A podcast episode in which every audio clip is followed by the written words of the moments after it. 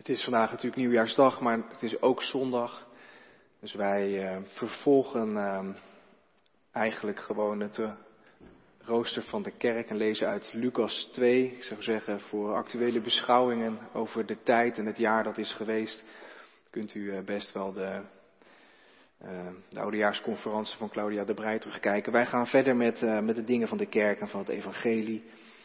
En uh, wij lezen daarom uit Lucas 2 vanaf vers 29, acht dagen na kerst.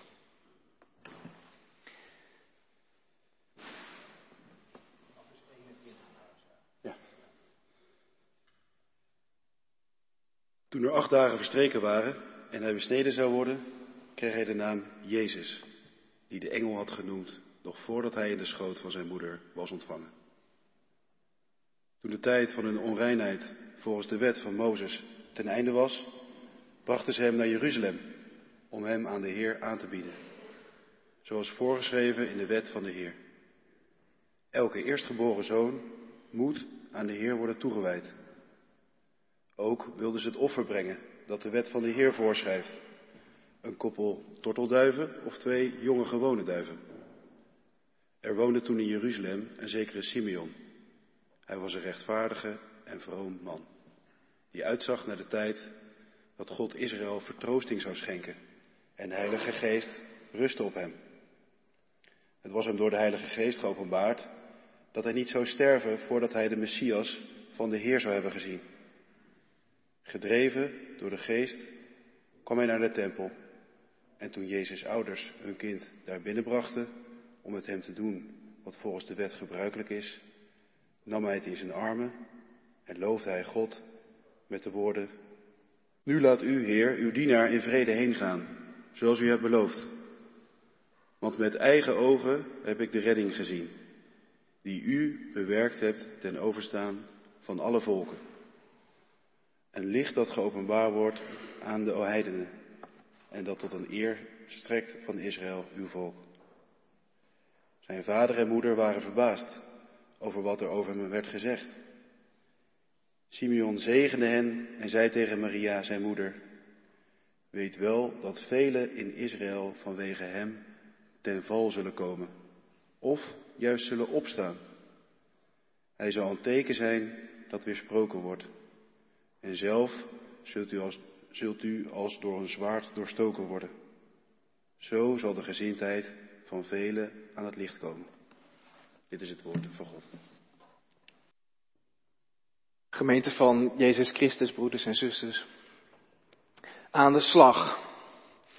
Die woorden roepen we wel eens als we moeten beginnen met ons werk. Hupsakee. Aan de slag. En we sporen onszelf of anderen aan om aan het werk te gaan. Aan het begin van het jaar willen we ook een frisse start maken. En het is een beetje een opgetuigd sfeertje op een dag als vandaag, met beste wensen, goede voornemens. En klinken deze woorden ook al een beetje op de achtergrond, aan de slag.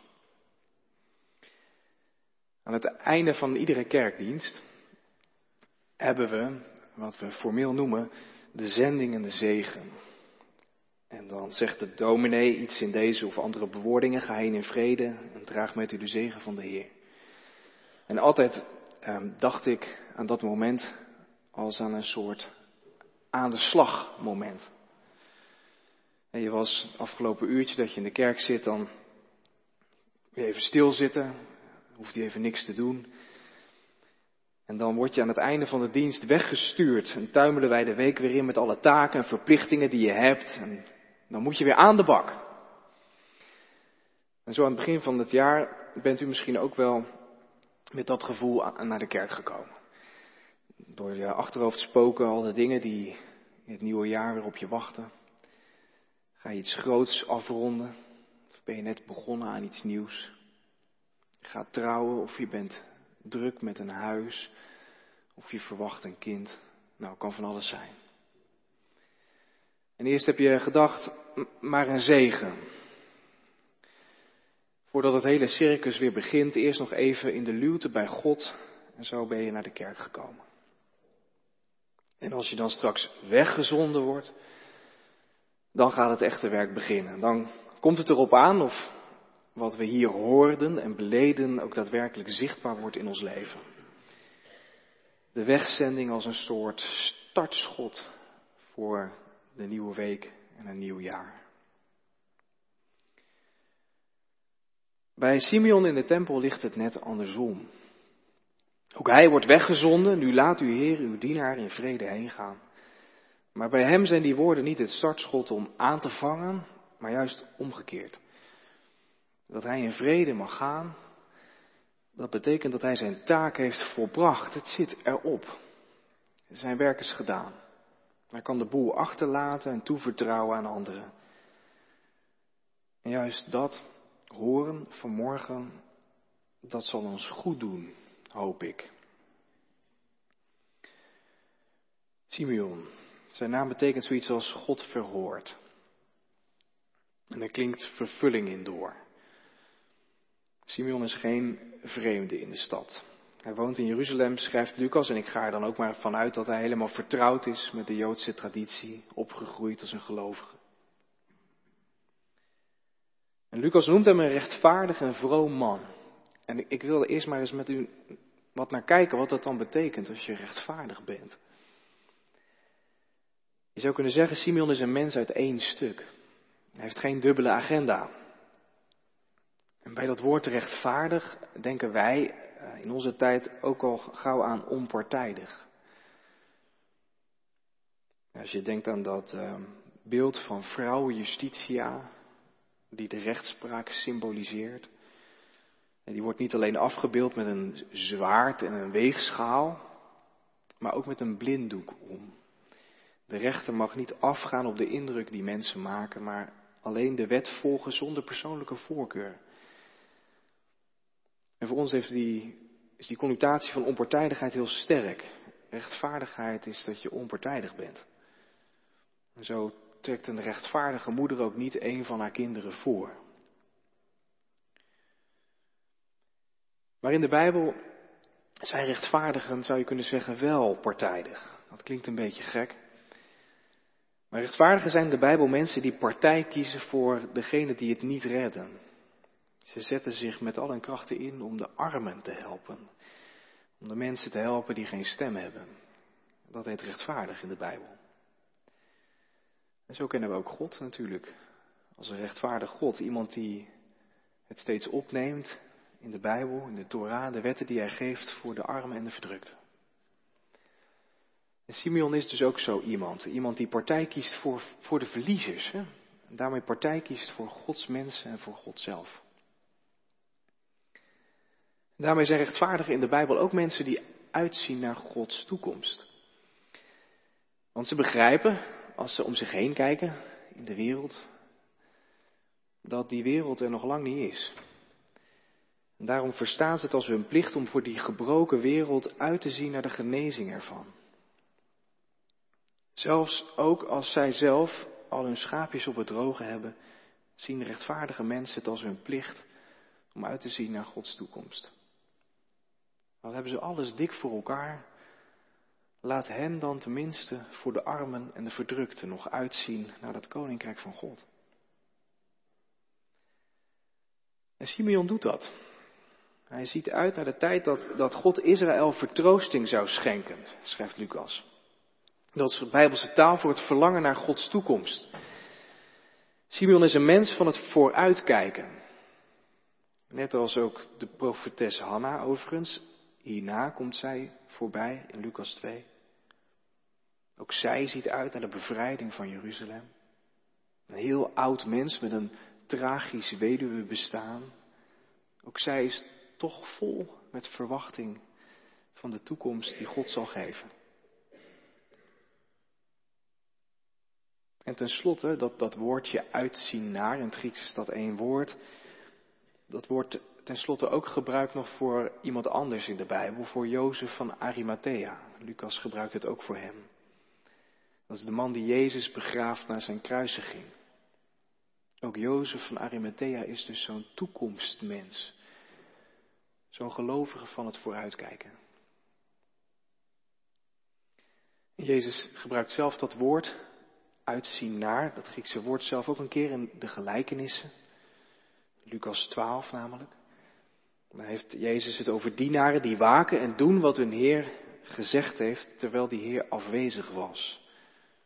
Sta klaar, doe je gordel om en houd de lamp brandend.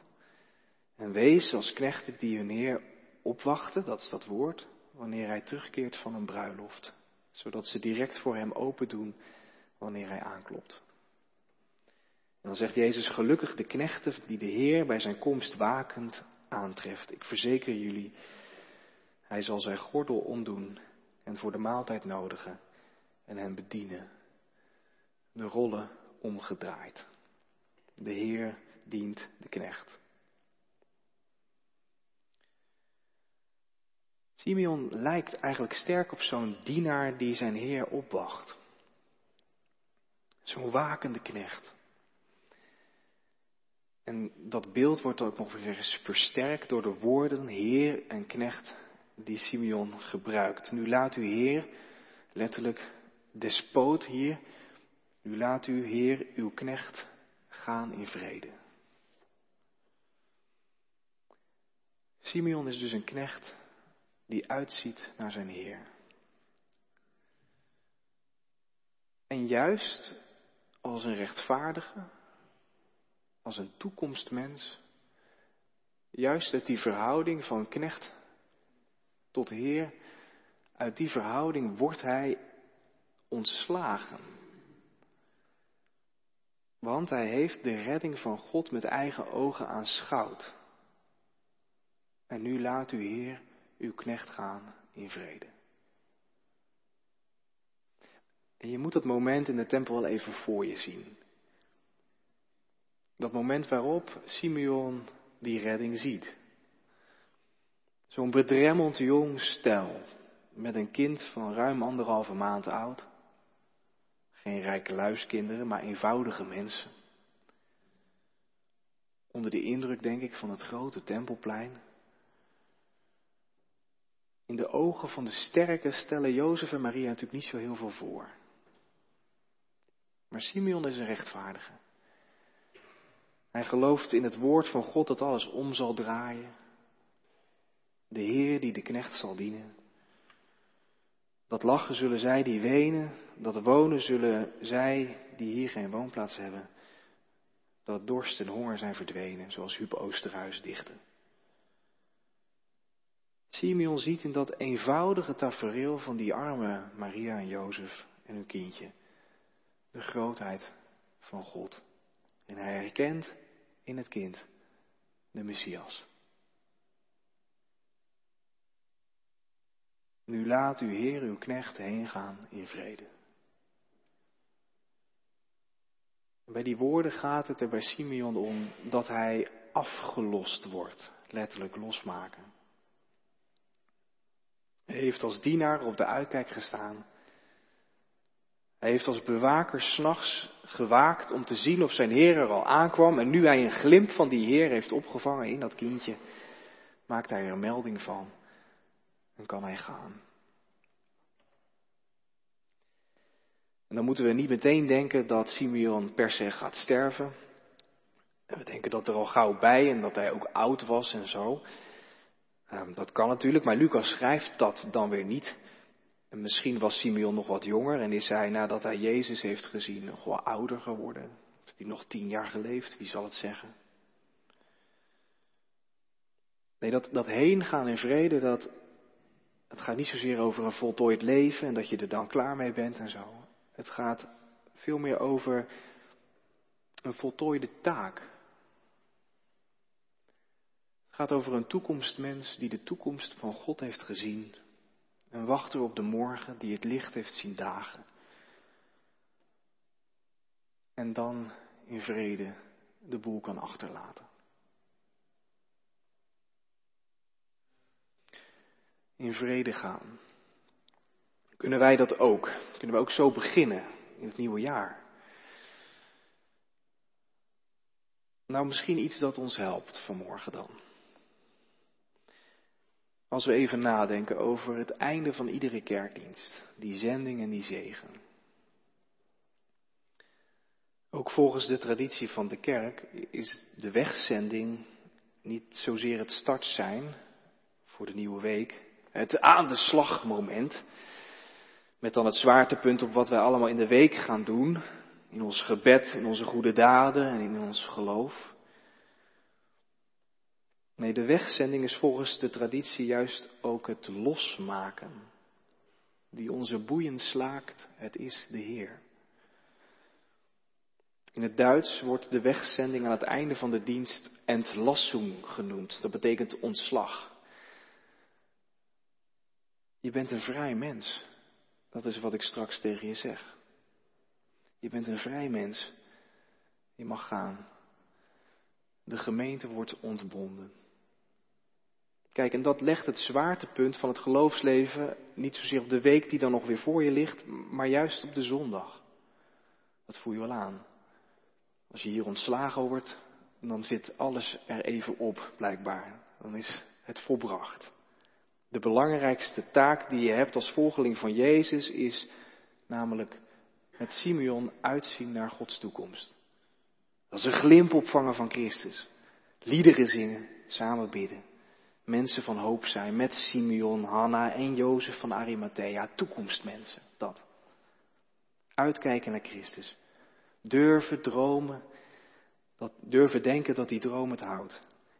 En, dan horen we vervolgens de goede woorden dat God ons wegzendt in vrede. En ik weet best wel natuurlijk dat in, in deze hoek van de kerk de laatste decennia heel veel aandacht is geweest voor, voor discipelschap.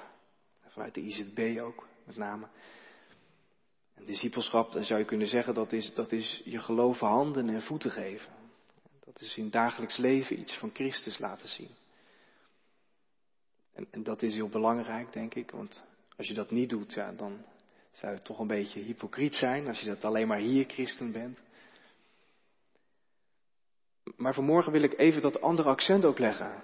En, en ook wel heel nadrukkelijk misschien. Want, want als ik naar mezelf kijk, val, ik mijzelf juist ook wel tegen. En ik bedoel dat wel echt uh, serieus.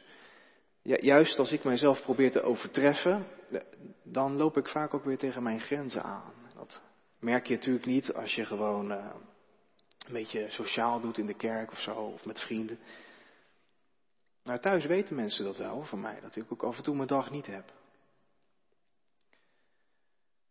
Discipelschap kan, kan, soms een ronkend woord voor ons worden, waardoor we vergeten dat de discipelen van Jezus één voor één Jezus verlieten toen het erop aankwam.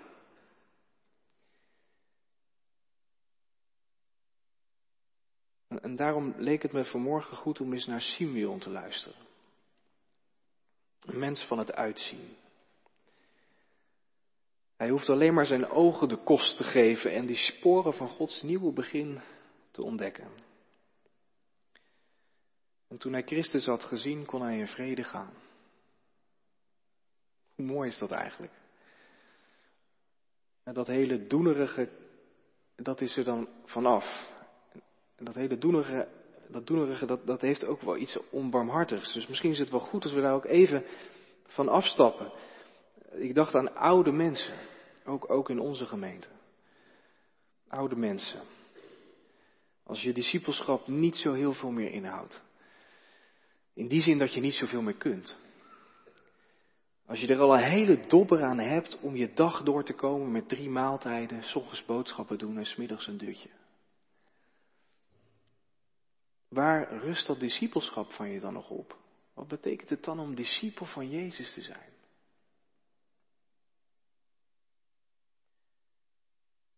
Morgen wil ik zeggen dat dat discipelschap van u, van jou, dat rust erop dat je Gods redding hier ziet.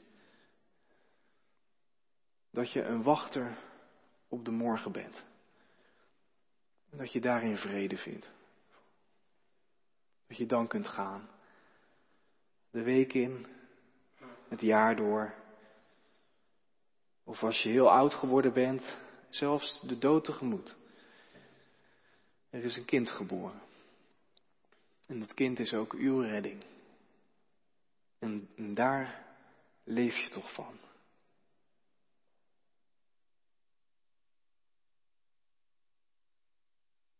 Simeon waarschuwt Maria nog wel. Een zwaard zal, hem, zal haar door de ziel gaan. Mensen zullen door Jezus vallen en anderen zullen door hem opstaan. En zo is het altijd wanneer iemand licht aandoet, dan ontstaat er ook schaduw. Jezus zal een teken zijn dat zal worden weersproken.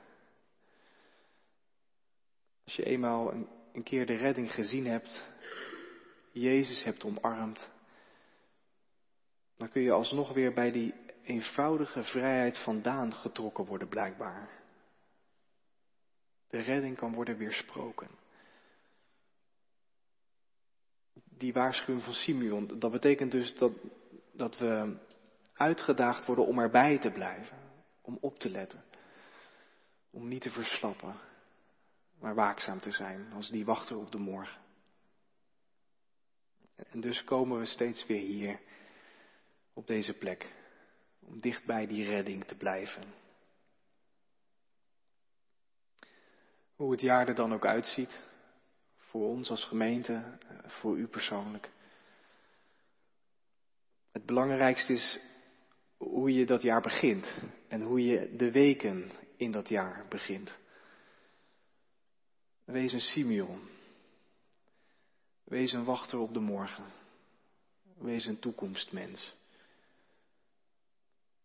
En richt je ogen op Christus. En heb, om te beginnen, daar nou maar vrede mee. Amen.